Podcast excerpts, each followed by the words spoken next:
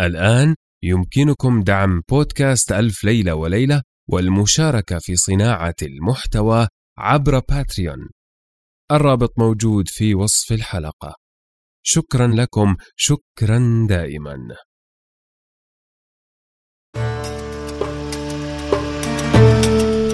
كان يا مكان في قديم الزمان وسالف العصر والأوان ملك يدعى شهريار يحب الاستماع لقصص الإنس والجان وكانت جاريته شهرزاد تقص عليه في كل ليلة قصة. هذا بودكاست ألف ليلة وليلة.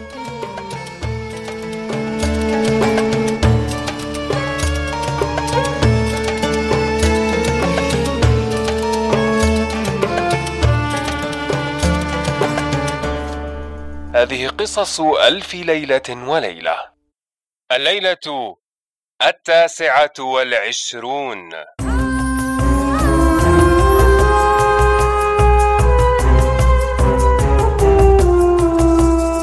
حكاية الأحدب والنصراني والمباشر واليهودي والخياط.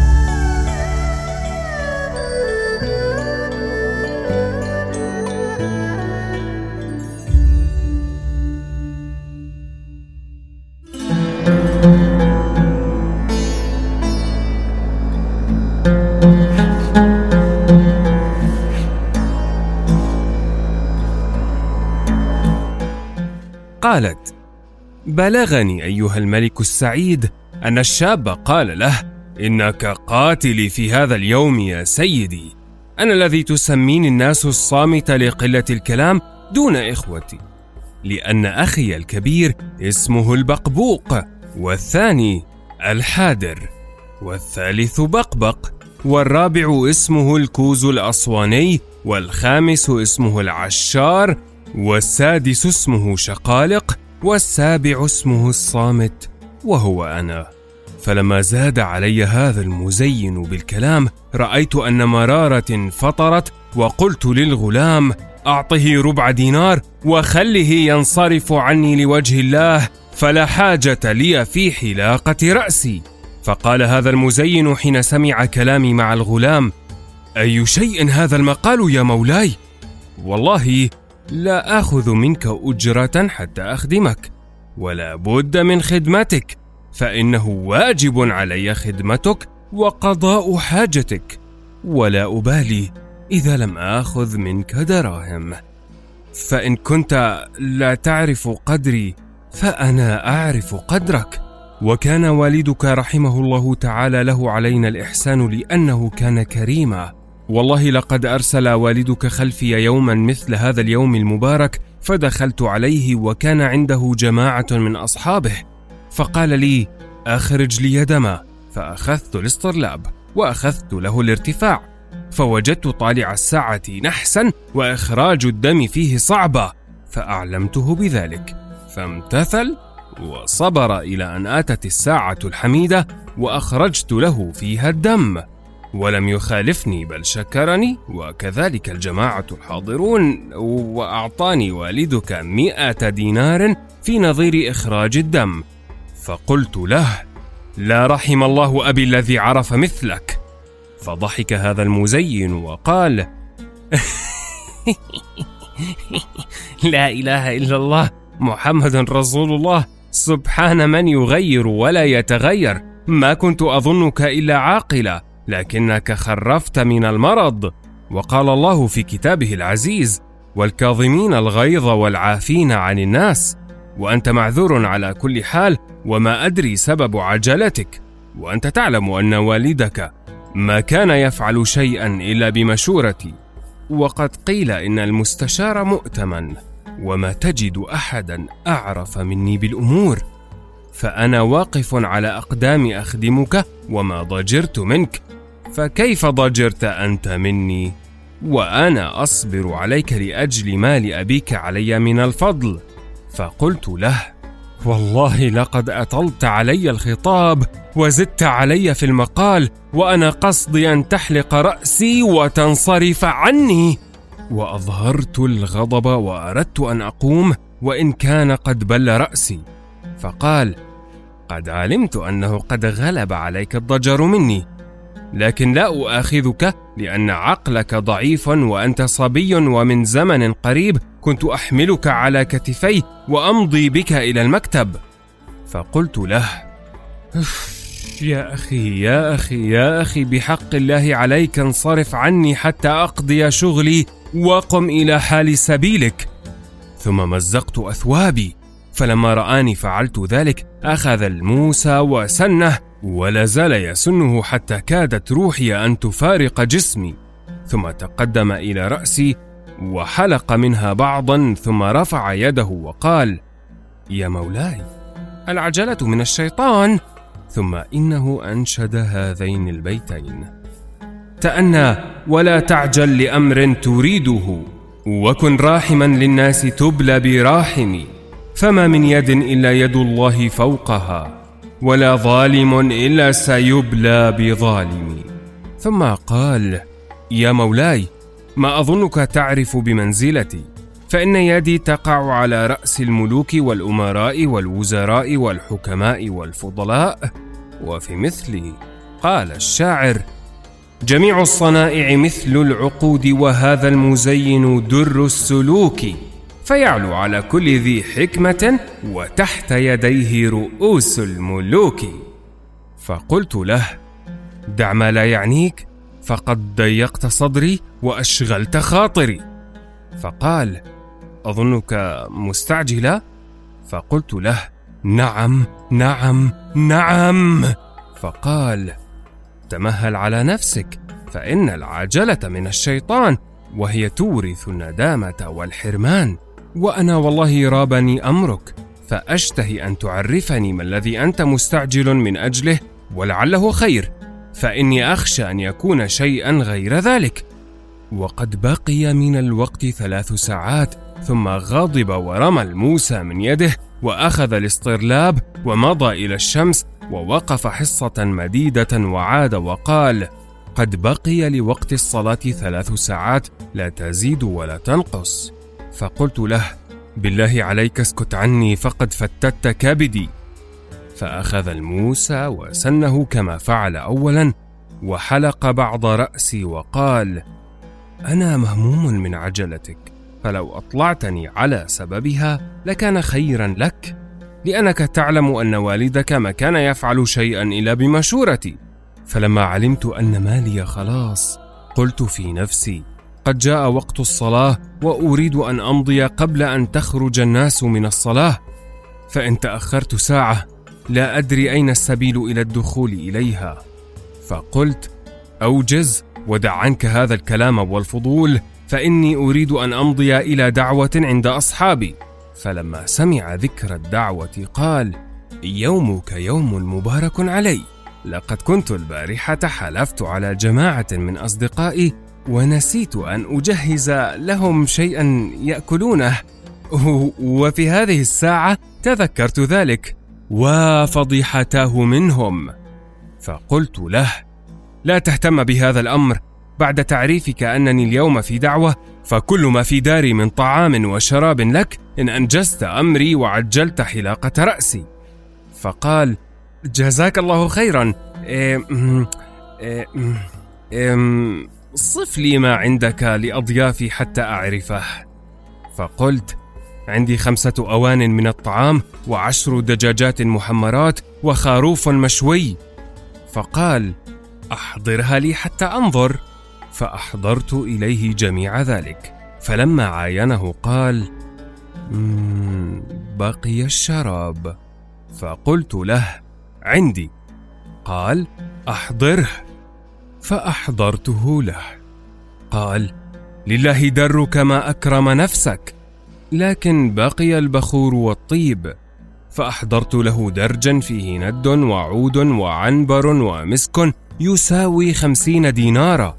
وكان الوقت قد ضاق حتى صار مثل صدري فقلت له خذ هذا واحلق لي جميع رأسي. فقال المزين والله ما أخذه حتى أرى جميع ما فيه. فأمرت الغلام ففتح له الدرج فرمى المزين الاسطرلاب من يده وجلس على الأرض يقلب الطيب والبخور والعود الذي في الدرج حتى كادت روحي أن تفارق جسمي. ثم تقدم وأخذ الموسى وحلق من رأسي شيئا يسيرا وقال والله يا ولدي ما أدري أأشكرك أم أشكر والدك؟ لأن دعوتي اليوم كلها من بعض فضلك وإحسانك وليس عندي من يستحق ذلك وإنما عندي زيتون الحمامي وصليع الفاني وعوكل الفوال وعكرش البقال وحميد الزبال وعكارش اللبان ولكل من هؤلاء رقصة يرقصها وأبيات ينشدها. وأحسن ما فيهم أنهم مثل الملوك. وعبدك أنا لا أعرف كثرة الكلام ولا الفضول. أما الحمامي فيقول إن لم أذهب إليها تجئني بيتي. وأما الزبال فإنه ظريف خليع كثيرا ما يرقص ويقول الخير عند زوجتي ما صار لي صندوق. وكل واحد من أصحابي له لطائف لا توجد في الآخر. وليس الخبر كالعيان. فإن اخترت أن تحضر عندنا كان ذلك أحب إليك وإلينا. واترك رواحك إلى أصدقائك الذين قلت لي إنك تريد الذهاب إليهم فإن عليك أثر المرض. وربما تمضي إلى أقوام كثيري الكلام يتكلمون فيما لا يعنيهم وربما يكون فيهم واحد فضولي وأنت قلقت روحك من المرض. فقلت إن شاء الله يكون ذلك في غير هذا اليوم. فقال لي الانسب أن تقدم حضورك عند أصحابي لتغتنم مؤانستهم وتفوز بحملهم وتعمل بقول الشاعر لا تؤخر لذة إن أمكنت. إن الزمان كثير العطب. فضحكت عن قلب مشحون بالغيظ وقلت له اقضي شغلي وأسير أنا في أمان الله تعالى وتمضي أنت إلى أصحابك فإنهم منتظرون قدومك. فقال ما طلبت إلا أن أعاشرك بهؤلاء الأقوام فإنهم من أولاد الناس الذين ما فيهم فضولي ولو رأيتهم مرة واحدة لتركت جميع أصحابك. فقلت له نعم الله سرورك بهم ولا بد أن أحضرهم عندي يوما. فقال إذا أردت ذلك وقدمت دعوة أصحابك في هذا اليوم فاصبر حتى أمضي بهذا الإكرام الذي أكرمتني به وأدعه عند أصحابي يأكلون ويشربون ولا ينتظرون. ثم أعود إليك وأمضي معك إلى أصدقائك فليس بيني وبين أصدقائي حشمة تمنعني عن تركهم والعود إليك عاجلا وأمضي معك أينما توجهت. فقلت لا حول ولا قوة إلا بالله العلي العظيم. امضي أنت إلى أصدقائك وانشرح معهم ودعني أمضي إلى أصدقائي وأكون معهم في هذا اليوم فإنهم ينتظرون قدومي. فقال المزين لا أدعك تمضي وحدك. فقلت له إن الموضع الذي أمضي إليه لا يقدر أحد أن يدخل غيري. فقال أظنك اليوم في ميعاد واحدة وإلا كنت تأخذني معك. وأنا أحق من جميع الناس وأساعدك على ما تريد. فإني أخاف أن تدخل على امرأة أجنبية فتروح روحك. فإن هذه مدينة بغداد لا يقدر أحد أن يعمل فيها شيئا من هذه الأشياء. لا سيما في مثل هذا اليوم. هذا والي بغداد صارم عظيم. فقلت ويلك يا شيخ الشر أي شيء هذا الكلام الذي تقابلني به؟ فسكت سكوتا طويلا وأدركنا وقت الصلاة وجاء وقت الخطبة وقد فرغ من حلق رأسي. قلت له امضي إلى أصحابك بهذا الطعام والشراب وأنا أنتظرك حتى تعود وتمضي معي ولم أزل أخادعه لعله يمضي. فقال لي إنك تخادعني وتمضي وحدك وترمي نفسك في مصيبة لا خلاص لك منها. فالله الله لا تبرح حتى أعود إليك وأمضي معك حتى أعلم ما يتم من أمرك. فقلت له نعم لا تبطئ علي. فأخذ ما أعطيته من الطعام والشراب وغيره وخرج من عندي. فسلمه إلى الحمال ليوصله إلى منزله وأخفى نفسه في بعض الأزقة. ثم قمت من ساعتي وقد أعلنوا على المنارات بسلام الجمعة فلبست ثيابي وخرجت وحدي وأتيت إلى الزقاق ووقفت على البيت الذي رأيت فيه تلك الصبية. وإذا بالمزين خلفي ولا أعلم به.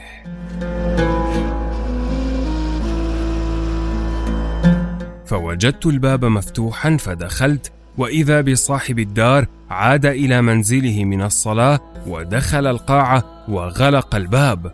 فقلت من أين علم هذا الشيطان بي؟ فاتفق في هذه الساعة لأمر يريده الله من هتك ستري أن صاحب الدار اذنبت جارية عنده فضربها فصاحت فدخل عنده عبد ليخلصها فضربه فصاح الآخر. فاعتقد المزين أنه يضربني. فصاح ومزق أثوابه وحث التراب على رأسه وصار يصرخ ويستغيث وهو يقول قتل سيدي في بيت القاضي. ثم مضى إلى داري وهو يصيح والناس خلفه وأعلم أهل بيتي وغلماني فما دريت إلا وهم قد أقبلوا يصيحون وسيداه كل هذا والمزين قدامهم وهو ممزق الثياب.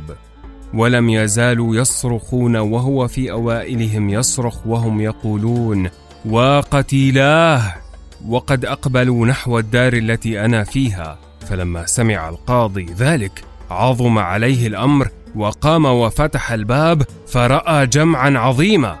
فبهت وقال يا قوم ما القصة؟ فقال له الغلمان إنك قتلت سيدنا.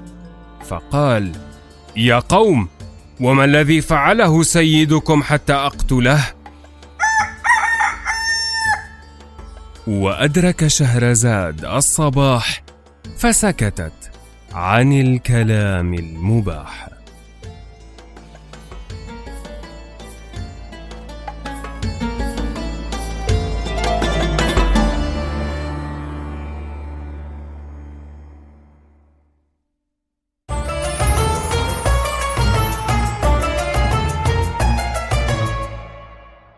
هذه قصص ألف ليلة وليلة.